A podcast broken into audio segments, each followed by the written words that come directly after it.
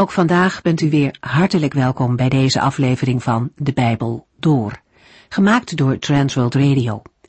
Voor meer informatie kijkt u dan op onze website transworldradio.nl. In deze serie gaat u in vijf jaar tijd met ons de Bijbel door, van Genesis 1 tot en met het laatste vers in Openbaring 22. We zijn tot halverwege het boek Spreuken. In hoofdstuk 16 verandert de opbouw van dit Bijbelboek. In plaats van twee uitersten tegenover elkaar te zetten, worden in de volgende spreuken onderwerpen vooral herhaald.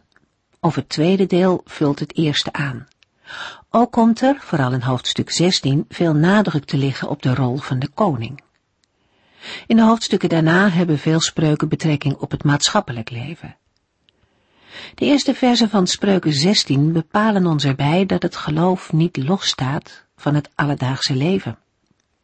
De Heere wil graag dat we onze plannen aan Hem vertellen, dat we niet alleen op zondag naar de kerk gaan, maar dat we elke dag met Hem leven. Hij is het die uiteindelijk ook onze wegen leidt. We kunnen veel van plan zijn, maar laten we die plannen wel eerst met God bespreken. Als God zijn zegen geeft, zullen we in vrede kunnen gaan en mogen we erop rekenen dat het goed zal komen.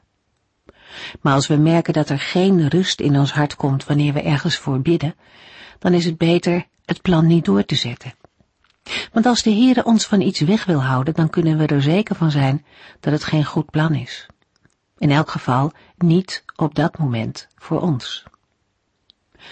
Nadat deze eerste verse God als koning laten zien, komen er een aantal spreuken die over de macht van de aardse koning gaan. En dan staat er in vers 20, wie Gods woord ter harte neemt, zal het goede vinden. Gelukkig is hij die op de Heere vertrouwt. Gods woord, de Bijbel, is een van de belangrijkste middelen om God te leren kennen. Het laat ons zien wie hij is, wat hij wil en wat zijn plannen met ons en met de toekomst zijn. En hoe meer we in Gods woord lezen, hoe beter we Hem leren kennen. We gaan verder in een nieuwe serie spreuken, hoofdstuk 17. De spreuken in het zeventiende hoofdstuk van het Bijbelboek Spreuken hangen samen met spreuken uit het voorgaande hoofdstuk. Spreuken 17 vers 1. Een stuk droog brood in alle rust gegeten is beter dan een overvloedige maaltijd waar ruzie heerst. Salomo stelt dat een droog stuk brood met vrede beter is dan een huis vol geslachte dieren en daarbij ruzie. Het was gebruikelijk dat mensen een stuk brood in een schotel met saus doopten. In spreuken 17 is de schotel afwezig en moeten mensen het brood droog eten, waarmee duidelijk wordt dat we te maken hebben met arme mensen die sober leven. Er tegenover staan rijken met een huis vol vlees. Bij het woord maaltijd mogen we ook aan een offermaaltijd denken, waarbij de offeraar zijn deel mocht houden. Omgekeerd droeg elke maaltijd een godsdienstig karakter. Dat daarbij ruzie werd gemaakt, maakte de zaak nog erger. De opbrengst van een slachtoffer werd verdeeld tussen de heren, de priester en de offeraar.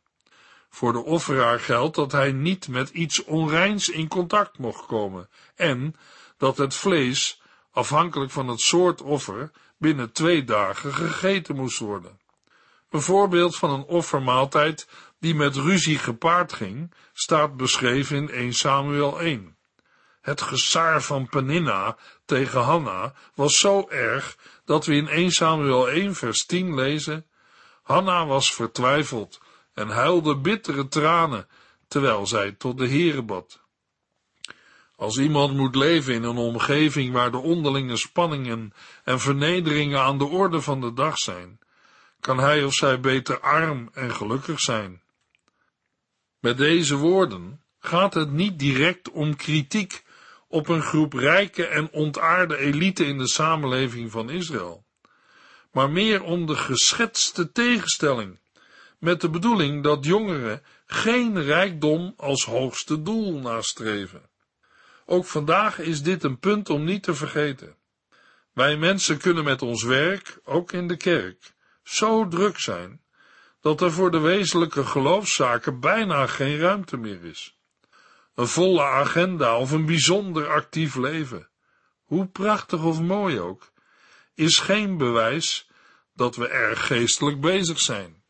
Ik denk aan Elia aan het hof van koning Agab en koningin Izebel. Er waren volop activiteiten in Agabs paleis te vinden, ook heel wat godsdienstige en religieuze zaken, maar niets had betrekking op het dienen van de Heere en de eer van zijn naam. Elia moest de koning aanzeggen dat het niet zou regenen, totdat de Heer het zei. Agab vond het belachelijk. Wie dacht Elia wel dat hij was? Maar als de Heere iets zegt, gebeurt het ook. Elia leert de waarheid van Spreuken 17 vers 1. Een ander voorbeeld is Mozes, weg uit het paleis van de farao, waar ook allerlei godsdienstige en religieuze activiteiten waren, plaatste de Heere hem in de woestijn van Midian. Daar heeft de Heere Mozes wijze lessen geleerd, en een van die lessen was, een stuk droog brood in alle rust gegeten, is beter dan een overvloedige maaltijd waar ruzie heerst. Luisteraar, hoe is dat bij u en bij jou? Is er ruimte in uw leven voor een vernieuwing of een verdieping van uw relatie met de Heer? Dat is nog niet alles, want daarna gaat het ook om een vernieuwing en verdieping van relaties met mensen. Mensen die bij u horen en u lief en dierbaar zijn. Je man, vrouw, kinderen of kleinkinderen. De broeders en zusters van uw kerk of gemeente. De Heere wil dat er tijden van rust en bezinning zijn. Ze zijn erg belangrijk en verfrissend voor ons geestelijk leven. Spreuken 17 vers 2 Een verstandige knecht heeft zeggenschap over een onverstandige zoon en wordt beloond met een deel van de erfenis. De grote waarde van wijs en eerlijk handelen komt naar voren in de woorden van vers 2. Er wordt gezegd dat een verstandige knecht zal heersen over een onverstandige zoon, en dat zo'n knecht te midden van broers deelt in de erfenis. We hebben in vers 2 te maken met een bijzondere situatie, omdat volgens de wetgeving in Israël een knecht of slaaf geen deel had in de erfenis. In Genesis 15 wordt gesproken over een knecht die erft, maar dat gebeurde vanwege de kinderloosheid van Abraham. Een knecht kon ook worden aangesteld als opvoeder van een zoon. Spreuken 17 vers 3 Zilver wordt gezuiverd in een smeltkroes, goud in een smeltoven, maar alleen de Heere weet wat in een mensenhart leeft. De spreuk in vers 3 stelt dat de smeltkroes het zilver en de oven het goud toetst, maar dat de Heere de harten toetst. Goud en zilvererts wordt op hoge temperatuur in ovens verhit, zodat het zuivere metaal tevoorschijn komt. Het is mogelijk door menselijk ingrijpen puur goud en zilver te verkrijgen. Maar voor een zuiver en puur hart is de hand van de Heere nodig. Vers 3 heeft tot doel een jongere een zodanig ontzag voor de Heere bij te brengen, dat hij of zij bereid is zich door hem te laten corrigeren. Ook in het Nieuwe Testament komen we deze wijsheid tegen. In 1 Petrus 1, vers 6 tot en met 8 lezen we, Wees dus blij. Er ligt iets heerlijks voor u klaar. Ook al zult u het door allerlei beproevingen eerst nog een tijd erg moeilijk hebben. Door die moeilijkheden en problemen wordt uw geloof op de proef gesteld, zodat zal blijken of het echt is of niet. Want ook goud, dat kan vergaan en lang niet zoveel waard is als geloof, wordt in het vuur gesmolten om te zien of het wel echt is. Wel, als uw geloof het vuur van de beproevingen kan doorstaan, zal Jezus Christus bij zijn terugkeer geëerd en geprezen worden. Ook al hebt u hem nog nooit gezien, toch houdt u van hem. Luisteraar, het is alleen de Heere die mensenharten echt kan doorgronden en toetsen op echtheid.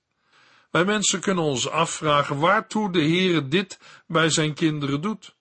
Mogelijk geeft de Heere daar ook inzicht in. Eén ding is zeker. De Heere heeft er een bedoeling mee. Hij had er een bedoeling mee toen hij toestond dat Job door allerlei beproevingen moest gaan. De Heer had er een bedoeling mee toen hij de apostel Paulus een doorn in het vlees gaf.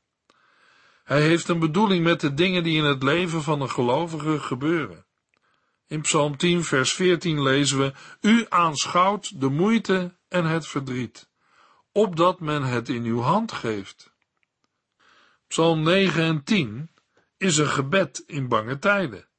Vaak moet een gelovige achteraf toegeven dat zijn of haar moeilijke tijden en beproevingen, geestelijk gezien, niet de slechtste tijden met de Heere waren. Wat is uw ervaring, luisteraar? Welvaart kan een geestelijke zegen in de weg staan. Het was ook een van de problemen van het volk Israël. Mozes brengt het onder woorden in het lied dat hij maakte. We vinden de tekst in Deuteronomium 32, vers 15. Maar het rechtschapen Israël werd dik en vet gemest en kwam in verzet. In de overvloed vergat het zijn God en keerde de rots van zijn behoud de rug toe. Hoe is dat vandaag? Wij hebben eigenlijk niets te klagen, maar wij mensen doen dat vaak wel. Vandaag kunnen wij christen als getuigenis naar anderen laten zien en voorleven dat een gelovige ook tevreden kan zijn met dat wat de Heere hem of haar heeft geschonken. Het is zeker goed dat de Heere toetst wat er in onze mensenharten leeft, opdat wij bruikbaar zullen zijn voor de dienst in zijn koninkrijk.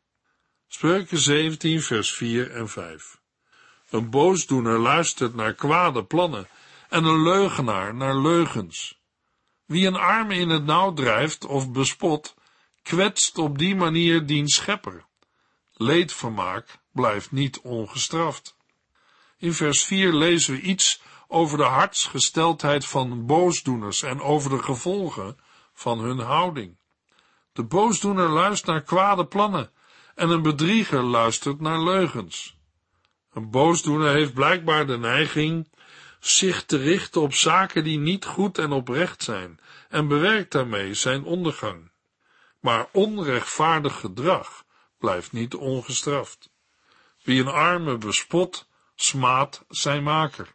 En wie zich verheugt over iemands ongeluk, zal niet onschuldig worden gehouden. Eerder was spreuken ook wel negatief over armen en werd gesteld dat hun situatie voortkwam uit luiheid. In spreuken 17 vers 5 staat dat armoede soms ook kan ontstaan door onrechtvaardigheid. Wij mensen moeten daarom voorzichtig zijn met het aanwijzen van oorzaken van armoede. Spot is in veel gevallen niet terecht. Voorzichtigheid in het oordelen is extra geboden, omdat ook arme mensen het maaksel van de Heere zijn. Spreuken 17 vers 6 Het sieraad van oude mensen zijn hun kleinkinderen, en het sieraad van de kinderen zijn hun ouders.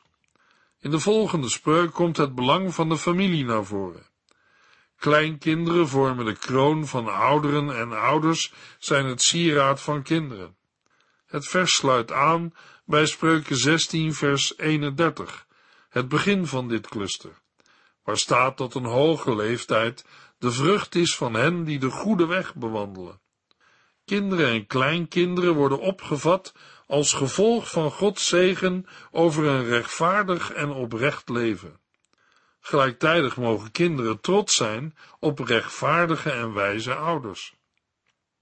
In de volgende verzameling, de versen 7 tot en met 28, treffen we een opsomming aan van spreuken die handelen over het gedrag van dwazen.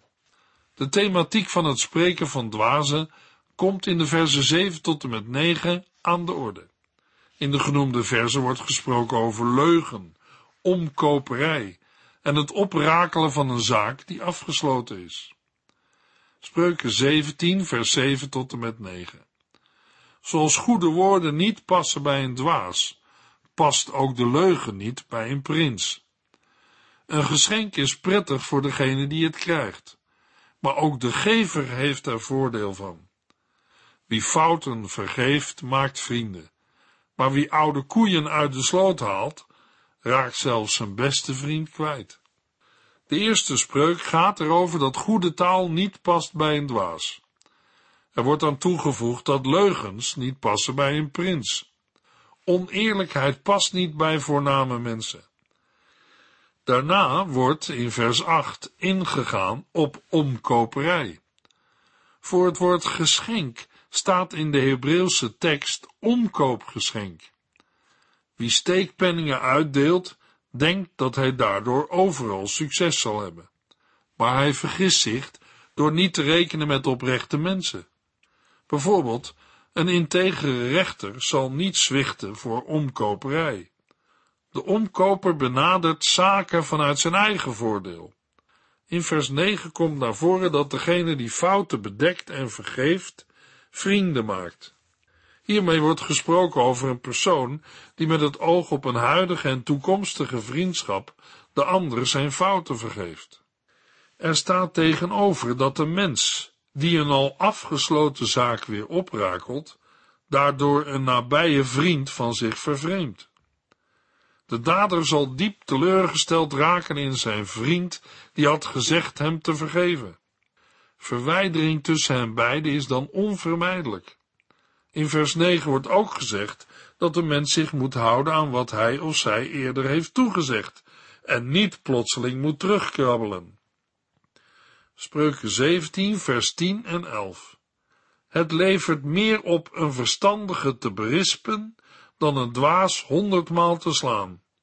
Een onhandelbaar mens koestert kwade plannen. Daarom stort God hem in het verderf. De bereidheid tot leren van een wijze en een dwaas komt in vers 10 aan de orde. Een berisping dringt bij een wijze meer door dan honderd slagen bij een dwaas. Honderd slagen is meer dan het dubbele van wat in de wet is toegestaan. Maar dit grote aantal is zonder effect.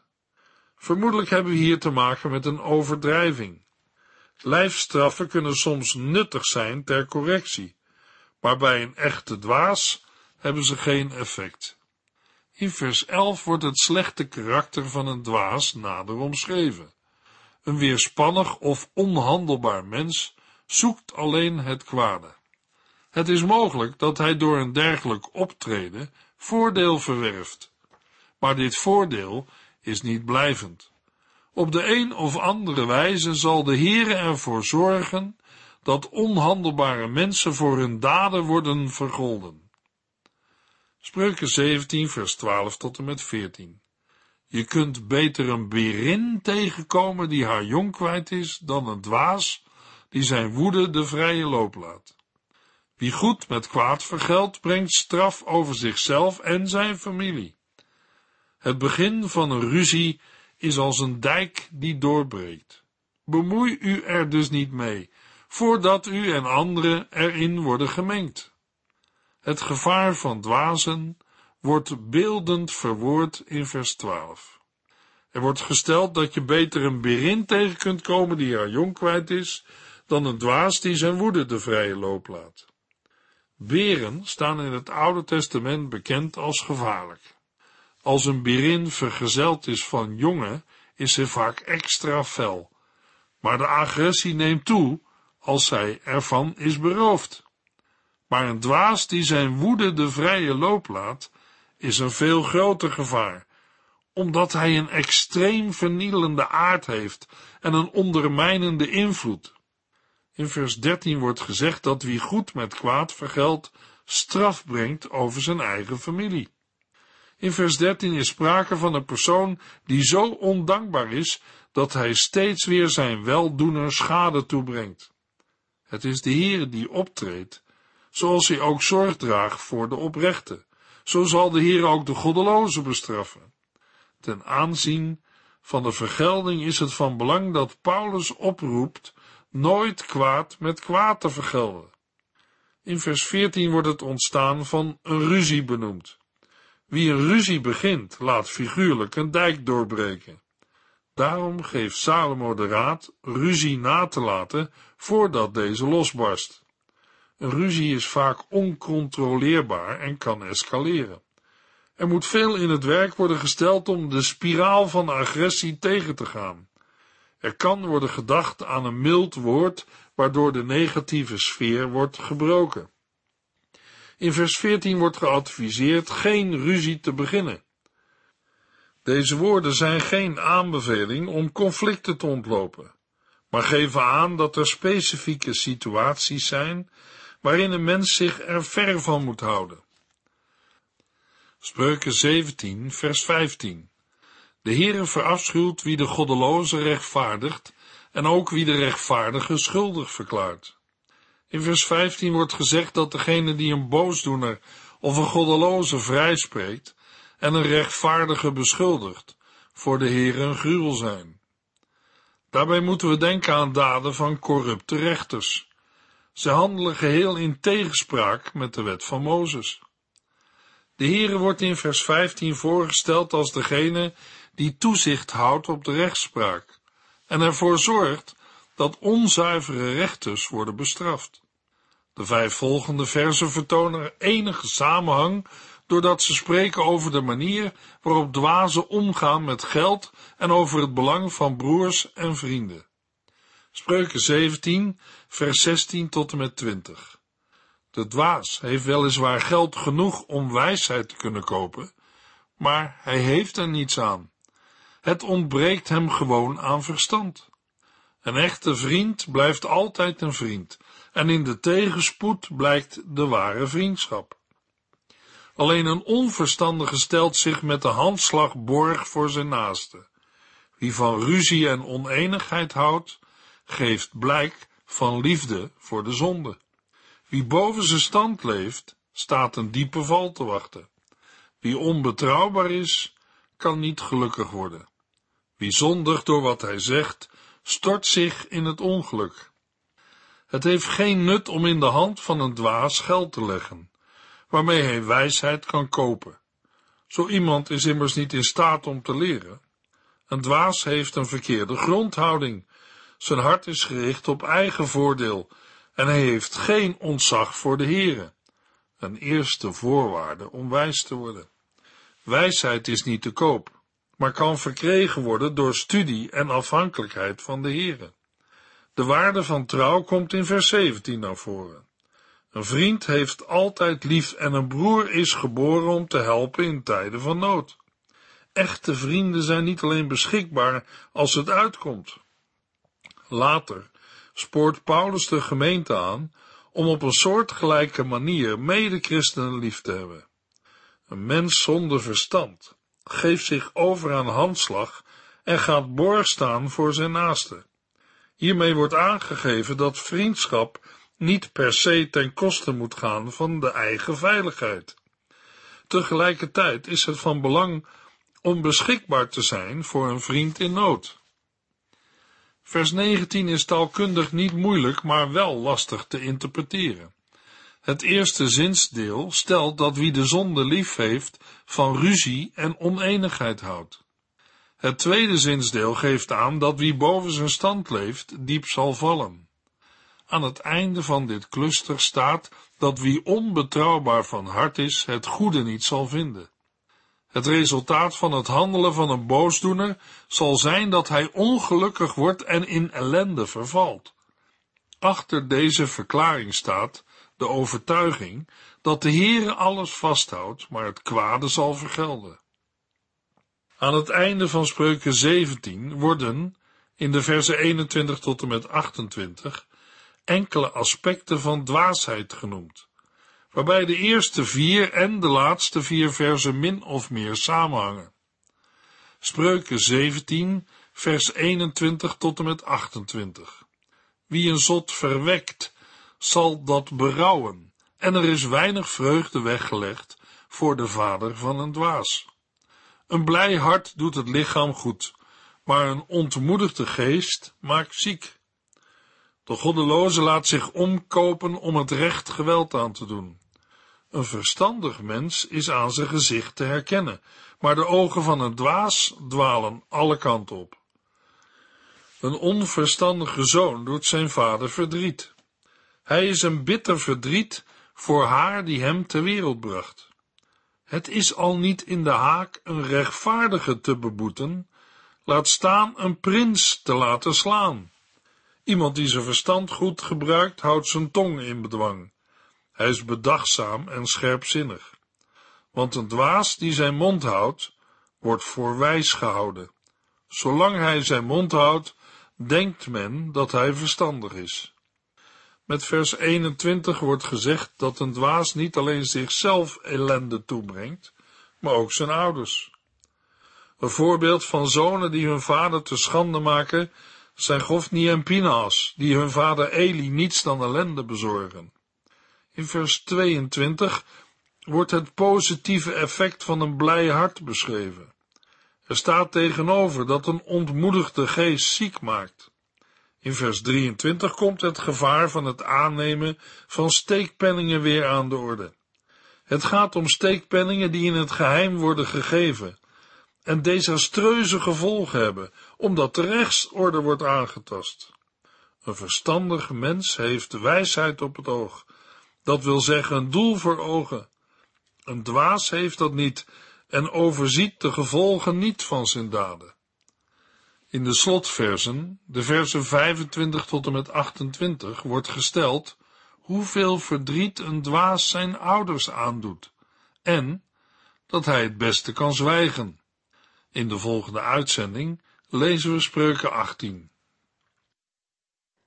U heeft geluisterd naar De Bijbel Door, in het Nederlands vertaald en bewerkt door Transworld Radio. Een programma waarin we in vijf jaar tijd de hele Bijbel doorgaan. Als u wilt reageren op deze uitzending of u heeft vragen, dan kunt u contact met ons opnemen. Tijdens kantooruren kunt u bellen op 0342 47 8432 0342 47 8432. Ook kunt u een e-mail sturen naar de Bijbel at transworldradio.nl en natuurlijk kunt u ook via de post ons bereiken. TWR, postbus 371, postcode 3770, AJ in Barneveld. Dit programma werd gepresenteerd door Cor Weda en Ike André.